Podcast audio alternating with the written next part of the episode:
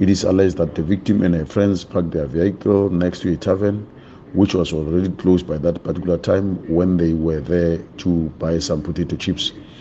Uh, then it is further alleged that the suspect who came from the tavern instructed them to leave.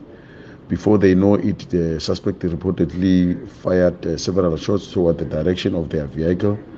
Uh, they quickly left the scene. Then, on their way, they realized that the victim was bleeding and quickly rushed her to the hospital where she unfortunately succumbed to her injuries.